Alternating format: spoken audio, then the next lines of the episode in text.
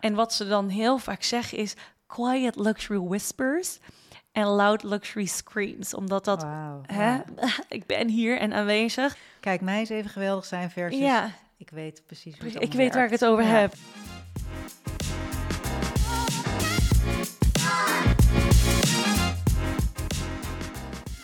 Welkom bij de podcast Wat trek je aan?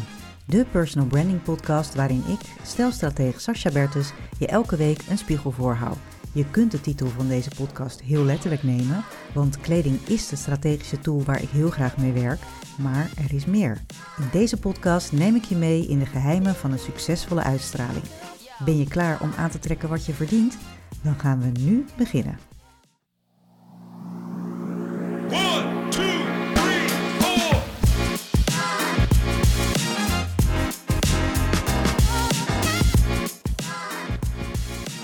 Hey, wat leuk dat je weer luistert naar weer een nieuwe aflevering van eh, Wat trek je aan? Ik zit hier vandaag eh, aan tafel bij eh Ciao Nguyen. En het was eigenlijk een beetje bij toeval dat we zeiden van... waarom nemen we niet samen een podcast op? Ik ken haar al heel erg lang. Ze zal zo meteen wel vertellen wie ze is en wat ze doet. Maar ik zat hier eigenlijk vandaag om haar een beetje uit te leggen hoe eh podcasten technisch werkt. Want eh, daar gaat zij ook bin- binnenkort mee beginnen. Dus dat is sowieso leuk. Maar toen dachten we, waarom nemen we niet gewoon gelijk even een podcast op? Dan eh, kunnen we dat ook uitproberen. En ze heeft heel veel te vertellen. En we gaan het eens hebben over een nieuwe trend. Of in ieder geval iets wat er, wat er steeds vaker terugkomt. En dat is quiet luxury. Ik weet niet of je daar al van gehoord hebt. En aan de andere kant is het natuurlijk ook nog steeds heel veel dat je toch wel ziet dat mensen bepaalde merken eh, willen laten zien in hun appearance, in hun kleding, in hun accessoires. Om eh, ja, toch ook te laten zien van ik hoor ergens bij. Dus het is leuk om daar eens even met jou over te praten. En ehm, ja, welkom jou. Dankjewel, Sas. Want waarom weet jij hier alles van? Nou, om te beginnen eh, heb ik geen leven, dus zit ik zo'n 60 uur per week op social media. nou, het is natuurlijk ook mijn werk. Ik ben, eh, moet ik mezelf even introduce- introduceren wat ik doe? jezelf maar eens even. Nou, je- mijn naam heb je heel mooi uitgesproken. Ciao Gwen. En ehm, ik ben een merkstrateeg en een social media strateeg. Ehm, ik werk met name voor grote eh, merken. En die help ik positioneren online en hun merk te verstevigen. eh, bepaalde doelgroepen te bereiken. En eh, dat doe ik door middel van storytelling, maar ook trend forecast. En weten wat er speelt en hoe je erop kunt inhaken. Denk aan trending content, hoe je dat voor in je voordeel kunt ehm, eh, gebruiken. Denk aan eh, alle opties uit social media te halen. Dus waarom moet je een locatie taggen? Eh, hoe zit het in elkaar in de hashtag-strategie? Maar ook wat grotere vraagstukken. En ik monitor heel veel trends en wat er online aan de hand is op social media. Dus vandaar dat ik heel veel kan vertellen over de Quiet Luxury Mystery. Ah, kijk, nou hartstikke goed. Dus dat is wel een mooi onderwerp om eens eventjes eh, te, te tackelen met jou. En eh, nou, vertel maar eens, wat is quiet luxury? Quiet luxury is, ehm, je hebt zeg maar loud luxury en quiet luxury. En loud Oh, mooi luxury. eigenlijk, dat die, die Ja. andere kant had ik eigenlijk nog nooit zo gehoord. Maar dat je dus ook loud luxury hebt. Ik kan me Ja, wat bij voorstellen, maar vertel. ja, het is, eh, is, is een officiële term. Ja, misschien ook wel inmiddels. Maar het is een beetje op social. Met name op TikTok is dit ontstaan. Waarbij er is een tijd geweest waar er een logomania ontstond. Hè? Ja, logo's werden groter, steeds zichtbaarder. En elk merk had wel een mono-pattern. dus dat is dat die logo's herhaaldelijk terugkomen in de kledingstukken. Of juist statement-logo's. En in de tijd van versobering of als het minder goed gaat met de economie, zijn mensen vaak eh, wat meer terughoudend in hoe ze zich uiten en kleden. Maar de tendens wat er online eh, speelt, is het, het heeft er een beetje mee te maken wel met die ontwikkeling van de economie. Maar het heeft eigenlijk nog veel meer mee te maken dat mensen tegenwoordig veel sneller eh, een bepaalde imago aangemeten krijgen, een bepaalde stijl krijgen op basis van hoe ze eruit zien, op basis van wat ze dragen, waar ze eten, waar ze eh, uithangen, omdat social media zo'n groot uithangbord is geworden van je persoonlijkheid, van je brand, wie je bent, in welke kringen je begeeft. En daar is dus een quiet luxury tak uitgekomen waar mensen helemaal obsessed waren met wat die quiet luxury nou is. En quiet luxury in een notendop is eigenlijk een beetje ja, hoe echte rijke mensen zich kleden. Die hebben geen logo's, die hebben dat niet nodig.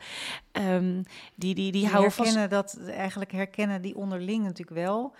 Welke merken Dat is de zijn. if you Dat know, you know. you ja, know, ja, ja. De, de Brunelli Cucinelli, of hoe zeg je dat? Brunello Brunello Cucinelli. ja, Cucinelli, die, ja. die is altijd zo'n voorbeeld daarvan. Ja, dat is een oude rot in het eh, quiet Ja, luxury ja, vlak. ja. Maar Loro Piana, en dat is wel heel interessant, die heeft een hele PR-offensief uh, eruit. Loro Piana is ook een, een grote quiet luxury label. Ja. Onderdeel van de LVMH Group. Die, die dus eh, Louis Vuitton, Hennessy en ehm, eh, andere merken bezit. Een heel groot portfolio hebben zij. Eh Loro Piana is daar een label van. Die waren van oudsher echt een ehm, goede kledingmakersclub uit Italië. Mooie, goede stoffen. eh, erg luxurious en ehm, zeker quiet luxury, want de, de labels waren niet echt zichtbaar.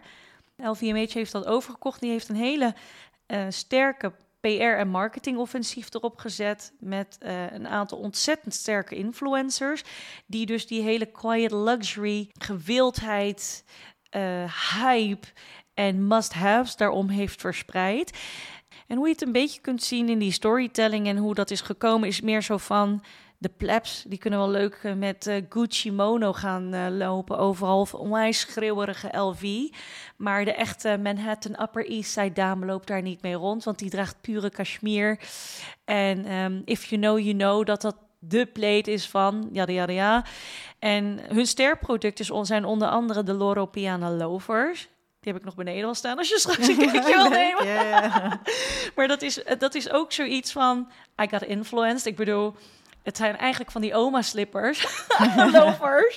Ze lopen heerlijk hoor, maar het is ook zo'n dingetje zoals, if you know, you know. De quiet luxury herkent jou dan. Ja. En wat ze dan heel vaak zeggen is, quiet luxury whispers en loud luxury screams. Omdat dat, hè, ja. ik ben hier en aanwezig. Kijk, mij is even geweldig zijn versus... Ja, Ik weet precies hoe het Ik weet waar ik het over heb. ja, En er zijn een aantal ontwikkelingen ingekomen in die trend. Die, die heeft zijn piek gehad. Inmiddels heb je steeds meer mensen die zich tegenspreken tegen dat quiet luxury. Omdat eh, de grap daarachter is, quiet luxury die... ehm, die kwam op een gegeven moment bijvoorbeeld... Eerst hadden we even terug, een paar jaar geleden... toen al die tech boys uit LA en zo nog allemaal hot en happening waren. De eh, een paar jaar terug Facebook, hè, dan was het allemaal... Ja, echte rijke mensen dragen geen labels. Die, die hebben gewoon alleen een, een wit grijs t-shirt. Mark Zuckerberg. Eh, little that we know is, hij bestelt die t-shirts in bulk. En die zijn 300 euro per stuk, want die zijn van Loro Piano. Ja. Dus wat je nu ziet is, Loro Piana maakt die t-shirts. En nu, door die quiet luxury trend, is het echt een dingetje geworden van... Wij weten dat het, dat, dat t-shirtje waar die mee loopt op stage... dat dat geen H&M of een Zaraatje. It's Nee. quiet luxury. Ja. En dat is een flex op zichzelf geworden. En lange tijd ging dat dus steeds meer van oh, quiet luxury. En dat zijn mensen die alleen maar goede stoffen dragen. Eh, met name de beige en de neutrale tonen. Af en toe een streepje hier, maar vooral niks poespas, niks schreeuwerigs. En nu heb je steeds meer een tegenlichting die zoiets heeft van... Oh, jij weet helemaal niet wat de echte rijke mensen dragen. Die dragen dat ook. Eh, dat is de, de top-notch VIP-cliëntelen die bij Chanel echt wel een Chanel met logo en al draagt. Alleen ehm, die hebben ze ook niks meer te bewijzen. Dus dat hele quiet luxury bullshit is here to sell you the dream of the poor. Dat, dat hoor je ook steeds meer online. Maar dat heeft helemaal, helemaal een eigen leven gaan leiden rondom welke tint beige je eigenlijk draagt, van welke stof. Het staat echt nergens op. Ja, bizar is dat eigenlijk, hè? Hoe, dat, eh, hoe dat zich zo ontwikkelt. Van, en het, uiteindelijk, want je denkt van quiet luxury is, eh, dat, dat, dan doet het er eigenlijk niet zo toe eh, dat, je, dat je een merk volgt. Maar uiteindelijk horen daar dus ook weer bepaalde merken bij. Absoluut. En, Het is nog veel erger. ja, is het eigenlijk nog veel erger. En ehm, gaat het er toch weer om van doe je mee of, of, of kies je je eigen pad? Ja, en dat hele ons kent ons, dat is, ja, dat, dat op een gegeven moment loopt het ook een beetje de spuigaten uit. Bijvoorbeeld de laatste gate online, als in heftig, eh, en mensen maken zich er druk over, is eh, dat sommige mensen de nieuwe Loro Piana eh, toilettas aan het pushen zijn als handtas. Dus wat je letterlijk ziet online is content van creators die zich heel druk maken. om, de, om, zo'n toilettas. En dat ze dan ook echt zeggen: Don't try to push the Loro Piana toilet bag as a handbag. It's not a handbag. Stop it. It's not a handbag. It's not even coming close to a handbag. You put your perfume, je aftershave. Weet je, en dat je dan denkt, mensen maken hier, zich hier heel druk over.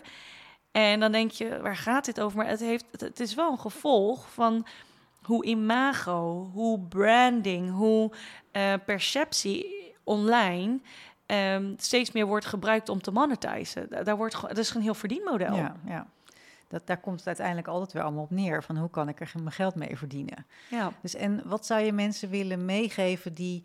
eh, ik zeg zelf namelijk altijd van ja, als, als, eh, als ik met een merk moet gaan lopen, moeten mensen mij ervoor betalen. En dan ga ik niet voor een merk betalen. Je, van, eh, hoe, het is eigenlijk natuurlijk, als je, het is eigenlijk van de zotte dat je geld betaalt, heel veel geld betaalt voor een, voor een duur merk op je, op je kleding.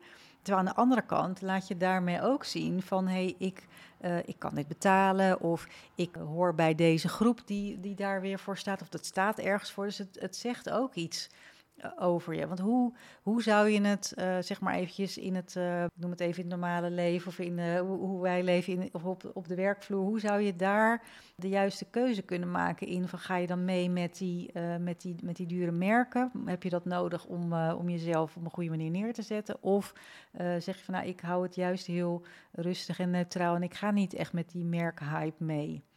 Is, is Ehm, daar quiet luxury ook nog voor te gebruiken, zeg maar? Ik denk dat eh, met of zonder social media en trends is, is, is denk ik mijn antwoord hier altijd op eh, dat het heel afhankelijk is van welke eh, industrie, waar vanuit welke industrie je opereert. Banking en finance kent een hele andere dresscode dan als je vlogger bent. Ehm, en dat is ook een beetje het probleem nu. Veel van wat wij zien en waarnemen is een, en is- is een heel grote digitale wereld die steeds meer overloopt in onze echte wereld, om het zo maar te zeggen. Hè? Ja, quiet luxury is leuk als je je misschien in de kringen begeeft, waar iedereen weet dat dat jasje van die en die collectie is. En, hè? Maar als jij los van de industrie waar je in opereert, misschien ook een stukje eh, zekerheid of persoonlijkheid of statusontlening hebt vanuit dat kledingstuk, dan kan ik me voorstellen dat mensen daar eh, liever mee eh, willen geassocieerd willen worden. Ik merk bijvoorbeeld ook, ik, ik heb zelf, ik ben heel erg aanwezig op social media, dat weet je ook, qua eh, waar ik aanwezig ben op de kanalen. Ik heb zelf niet per se de behoefte om te bewijzen wat ik in mijn kast heb hangen en wat ik draag. Maar ik weet bijvoorbeeld wel zeker dat dat bij zou kunnen dragen aan de groei van mijn account en de status van mijn succes en hoe goed het gaat. Alleen, dat is mijn strategie niet, dat is mijn cliëntelen niet. En ik voel me er ook niet per se comfortabel bij met alles wat er nu online staat om daarmee te flashen of te laten zien van, oh hè. Mm, er is één eh, ondernemer bijvoorbeeld. Die eh, groeit heel hard op TikTok. is een Nederlands dame. En die heeft een heel groot eh, kapitaal eh, voor zichzelf opgebouwd met gezichtloze YouTube-kanalen. Dus dat zijn haar cash cow-kanalen. Dat wordt zo genoemd. Wat bedoel je met gezichtsloze You- YouTube-kanalen? Nou, veel mensen die op YouTube of social media starten, die denken: ik moet mezelf laten zien. Ik heb een gezicht nodig, anders kan ik er niks uit verdienen. Yes, als je een personal brand bouwt, absoluut een must. Maar er zijn ook heel veel kanalen die bijvoorbeeld top 10 beste bestemmingen laten zien, eh, meest gewilde auto of een, veel bio schrijven over bepaalde ondernemers. Dat zijn gezichtloze kanalen, omdat de, de maker De daarvan maker is niet, zichtbaar is. Ah, oké. Ja. Nou, de- zij loopt echt gigantisch eh, goed. En het is echt een. eh, volgens mij is het ook een hartstikke sympathieke meid. Maar, maar als, ik het, als ik naar haar account kijk, in de technische vorm, die laat dus constant tassen zien die ze koopt. Elke week unboxt ze weer een giga dure tas. En dat is niet alleen dat. Ze, ze neemt mensen echt mee in haar luxueuze leven. Omdat ze eindelijk heeft bereikt wat ze wilde bereiken. Daar worden alle prijzen genoemd. Is inmiddels mee gestopt. Want ze is ook een paar keer beroofd. Of volgens mij één keer is er, eh, Oh, was ja, er een poging tot. en dat eh, speelt ja, ook dat mee, hè? ja, dat speelt ook mee. Maar ehm, je ziet aan heel veel eh, beginnende creators of creators dat dat een goede en snelle manier is om hun account te laten groeien. Ja, en dan heb je er belang bij dat je iets koopt of draagt wat heel herkenbaar is voor het grote publiek, omdat dat jouw hook is. Dat is jouw unique selling point. voor mensen die jou willen Mhm. volgen eh, eh, en waar- waarvan jij wil dat ze je volgen. En dan is zo'n logomania heel handig. Ik denk als je in een bepaalde industrie, stel je bent ingenieur of je zit in een softwarebedrijf en je gaat heel erg in die logomania mee, dan val je heel erg uit de boot en dan kan het ook juist tegenwerken. Alleen wat je nu vaak ziet is wel, mensen hebben een hele korte spanne in ehm, aandacht voor anderen en in het hokjes denken. Dus het wordt al veel sneller geassocieerd met, oh, je bent wat succesvoller als je ergens bent. En ja, dat heeft zijn voor- en zijn nadelen. Ik, ik merk bijvoorbeeld dat bij sommige klanten ik behoorlijk dressed down ga. Mhm. Daar wil ik vooral niet te veel opvallen, want de rest is ook heel erg sober. Daarbij waar ik bij andere klanten eh, wat meer durf uit te pakken. En misschien Ja. zelfs wel een, eh, dat je juist laat zien van ik eh, draag deze merken of ik, eh, ik, ik associeer met deze merken om ook te laten zien van hey, jij doet dat ook, dus jij snapt hè, wij snappen elkaar dan ook beter. Ja, dat is eigenlijk dus precies. toch de connectie die je daarmee maakt Ja, op een non-verbale manier. ja ik, ik bedoel, ik, ik- jij bent de laatste aan wie ik uit moet leggen. ja, misschien Eh, dat kleding bindt en, en, en qua... ja. En, dat, en dat kleding ook heel belangrijk is voor de perceptie van hoe Mhm. jij binnenkomt zonder dat je hoeft te spreken. Dus daar kun je heel goed in spiegelen. Ik, ik heb klanten bij, bij wie eh, een vintage tas wordt gewaardeerd. Daar waar anderen denken, ja, is dat waar je mijn, eh, mijn uurtarief Ja, naartoe gaat? ja. Hè? Nou, het is wel Zeker grappig wat je Nederland. zegt inderdaad, want ik ben natuurlijk altijd wel heel erg bezig met wat, wat trek je aan, maar niet zozeer met, oh dan zou jij, eh het is voor mij ook alweer een eye-opener, van dan zou je dus ook kunnen kijken van, hey, welke merken eh, draagt mijn klant of degene met, naar wie ik toe ga, van wie ik wil overtuigen of beïnvloeden, of, eh, welke merken draagt die persoon en dat je daar ook echt die verbinding mee maakt. Dus dat is ook wel weer een, eh, vind ik wel weer mooi. En dan zijn quiet luxury aan de ene kant en misschien loud luxury aan de andere kant. Maar daar heb je natuurlijk nog heel veel tussenvormen in. Zijn er natuurlijk wel mogelijkheden voor om ook te kijken van hey, eh, onderzoek eens bij je klant van eh, wie is het, wat draagt diegene, waar, waar gaat hij van aan. Maar dat zou natuurlijk net zo goed zijn, wat voor auto rijdt hij en eh, in, in, in merkbeleving. Maar in ieder geval welke merken volgt diegene, want dat zegt natuurlijk ook wel heel veel over de, over de persoon. Ja. Ja, absoluut. En dat, ja, dan kan je gewoon goed voor je laten werken of tegen je laten werken. Ja, ja. ja nou, dat is inderdaad wel een mooi. Is voor mij ook weer een eye-opener. Dank je wel daarvoor. Alsjeblieft. ja. en dan straks even jouw quiet luxury closet even er doorheen halen. ja, precies. Nou ja, ik heb inderdaad eh, verschillende dingen hangen, maar ook wel wat Brunello Coccinelli. Maar ik heb het nooit voor het merk gekocht, maar meer voor, uh, voor als ik, ja, ik, ik, koop iets omdat ik het mooi vind, omdat ik het vind passen. En ik kijk dan meer naar uh, de, de vorm, de kleur, het materiaal en die combinatie. En niet zozeer van, van welk merk is het en doet dat ook nog iets. Dus dat is uh, denk ik ook ja, een, het, is heel eerlijk gezegd, denk ik ook een generatiedingetje. Ja, ik, misschien, ja, ja, misschien wel. Dat jouw generatie misschien daar al... Uh, wat sensitiever. Voor, voor wie niet weet uh, hoe, hoe verschillend wij zijn. We schelen ongeveer 17 jaar. Dus, uh, maar we zijn wel besties, dus dat is dan weer heel leuk. Ja, nee, ja, ik vind het sowieso heel leuk. Maar, dat is, maar daar zie je inderdaad wel. Dat, dat, je zit in een andere levensfase, maar ook in een andere generatie in waar je mee bezig bent. Ik denk dat de generatie na jou, dus meer de, de, de, generatie van mijn kinderen, daar volgens mij weer veel minder mee bezig is met, met merken. En, uh, nou, dat valt al mee. Nog, maar die hebben, die, hebben, die hebben een andere flex. De, dat is bot thrift shopping, dus tweedehands uh, kopen, is nu helemaal in. Ja, ja dat, uh, in Gen Z. dochter veel ja. in. Ja. En bij hun is het eerder van, kijk hoe gaaf deze ja, dit jasje, ik weet niet van wat, hè, die hebben hun eigen merken. Die heb ik maar voor 3 euro op de kop getikt. Ja. Dat is een andere flex, dat is een andere um, bezigheid. En daar waar ik, ik, ik herken wel heel duidelijk die obsessie van uh, quite luxury, de juiste stof, uh, de juiste brands, de juiste touchpoints. Bij millennials is dat wel, is denk dat ik, wel, wel heftig. Ja, maar ja. dat komt ook vanwege de koopkracht. Hè? Kijk, onze koopkracht is veranderd. Um, ten opzichte van toen we 18, 19 waren. Toen had ik niet um, de, het garderobe wat ik nu heb. Nee. Toen had ik ook niet de koopkracht die ik nu heb. Nee. Uh, en toen had ik misschien ook minder het besef dat wat ik draag bijdraagt aan mijn imago. Dan ben je veel meer bezig met het zoeken van een identiteit. Um, ben je ook anders en kijk je ook anders naar trends en, en uh, consumptie. Als je wat ouder wordt, ja, dan koop je misschien liever één jas die niet na één keer dragen oppluist of eh, er niet meer uitziet. Ja, nou, daar zit ook nog wel een hoop verschil in hoor. Dat, dat merk ik in ieder geval dat, men, dat sommige mensen, ook op mijn leeftijd, nog eh, eh, toch denken van, nou, vind ik een beetje, een beetje duur, dus ik koop wel eens, lekker bij de H&M een, een jas en dan, die dan na drie keer dragen misschien uit elkaar valt.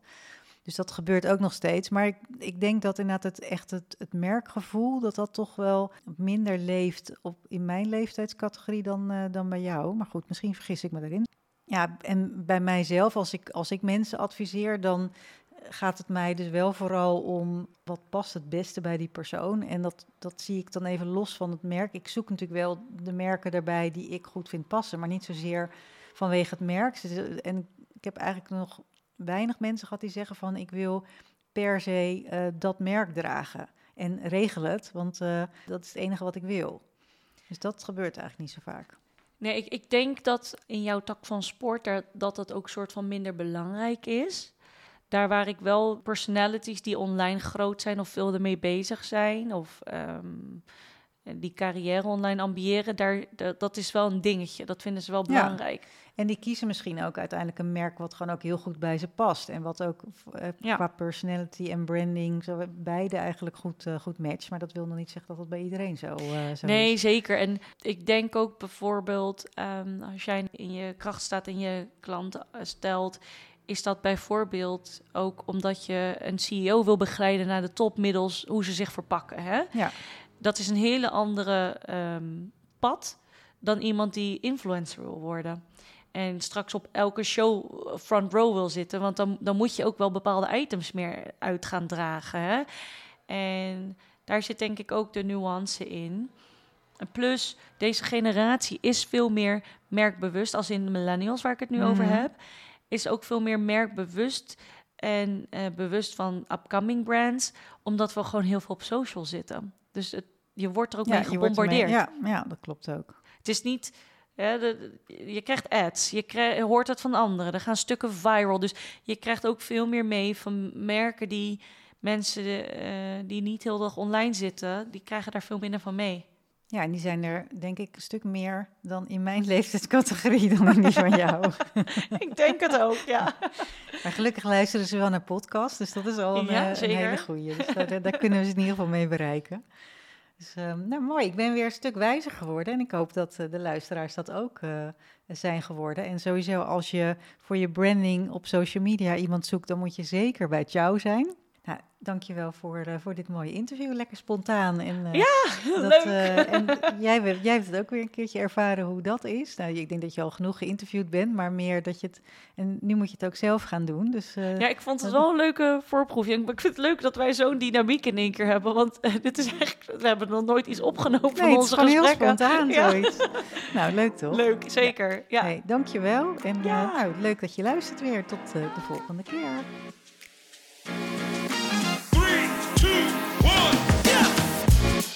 Luisteren naar de podcast Wat trek je aan? Heel fijn dat je er was en ontzettend veel dank voor het luisteren. Wil je nou geen aflevering missen? Klik dan op de volgbutton in je podcast-app. En heb je een vraag of wil je dat ik met je meedenk over jouw appearance? Vraag dan een gratis strategiegesprek aan via de link in de show notes. Heel veel dank en tot de volgende keer.